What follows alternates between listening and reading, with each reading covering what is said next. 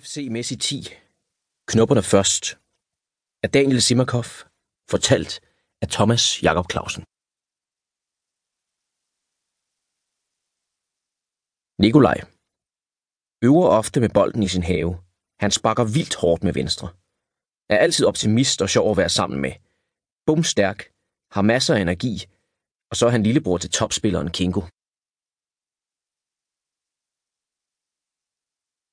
Ursula. En af de nu to piger på FC Messi. Den anden hedder Anne. Ursula er en hurtig spiller. Bruges mest på højre kant. Hun har gode indlæg og er ikke bange for at takle igennem. Ursula har været kærester med Johan. Kapitel 1 Jeg strammede mine snørebånd og hævde nogle gamle klumper jord fri mellem knopperne. Jeg kiggede op. Skyerne trak sig sammen over mig, men de havde først lovet regn i eftermiddag. Jeg trængte til nye fodboldstøvler. De gamle strammede og var totalt slidte. Var ved at falde fra hinanden. Jeg måtte tage en alvorssnak med mine forældre. Måske kunne jeg få rabat i sportsbutikken, hvor både Kingo og Nikolaj arbejdede. Men forhåbentlig holdt de kampen ud i dag mod bakkedraget. Lars, vores dommer, kaldte anførende hen til sig. Vi gav hånd, og Lars stod klar med en mønt. Plat eller krone, Johan? Krone? Det er plat at vælge krone, grinede bakkedragets anfører. Lars trak på smilebåndet og vivlede mønten op i luften. Det blev plat. Bakkedragets anfører ville bytte side. Lars gav mig bolden. Bakkedraget var nye i den bedste række. Ligesom os havde de tabt de to første kampe i sæsonen. Håber ikke jeres banehalvdel er lige så hullet, sagde deres anfører og rystede på hovedet. Det er den, sagde jeg bare. For det var den. Skolens bane, vores hjemmebane, var bestemt ikke i særlig god stand. Fuld af huller. Vores bane kræver god teknik, sagde Nikolaj. Er det et problem for jer? Jeg hørte ikke svaret. Så ud mod sidelinjen, hvor Kingo stod sammen med Niels Erik, vores eneste indskiftningsspiller. Fik vi en skade, var der ingen, der kunne komme ud og få en pause. Nikolajs kæreste Violet var stoppet igen. Marco var rejst tilbage til Spanien med sin far. Slatans familie var flyttet til København, hvor hans far havde fået arbejde, og Christian havde mistet lysten til fodbold. Så nu var vi kun 12 spillere tilbage i FC Messi. Jeg kunne ikke få øje på Bella.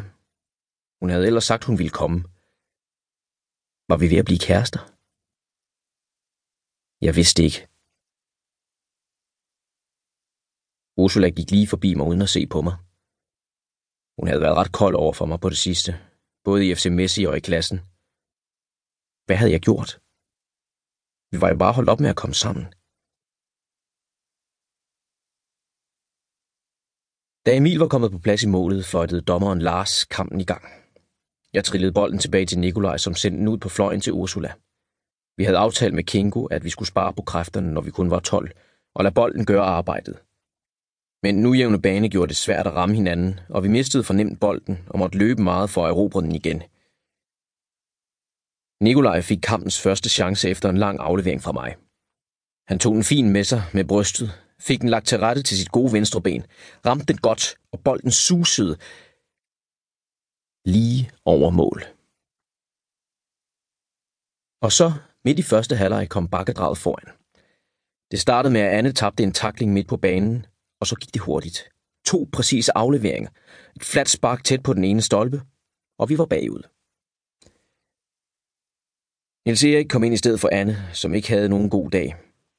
Det hjalp lidt, og vi fik mere styr på spillet, men den stod stadig 0-1, da Lars fløjtede til pause. Vi manglede i den grad Slatans hurtige ben i angrebet. Det ser fint ud, sagde Kingo, mens vi drak vand og pustede ud. Vi har taget mod fra deres angreb, og vi skal nok få vores chancer i den anden ende. Hvis vi stadig er bagud, når der mangler 10 minutter, sender vi Johan helt frem. Er der nogen, der er trætte? Anne er frisk igen, ikke? Anne nikkede, men så ikke særlig frisk ud. Ulrik fik en pause. Og så i gang igen. Jeg erobrede bolden midt på banen, spillede 1-2 med Nikolaj. Jeg lagde an til et skud langt udefra, men spillede i stedet Ursula i højre side. Hun trak ned til mållinjen og lagde den skråt tilbage til mig. Jeg skød første gang, men mit skud blev blokeret af en forsvar og røg ud til hjørnespark. Ursula ville tage hjørnet, og jeg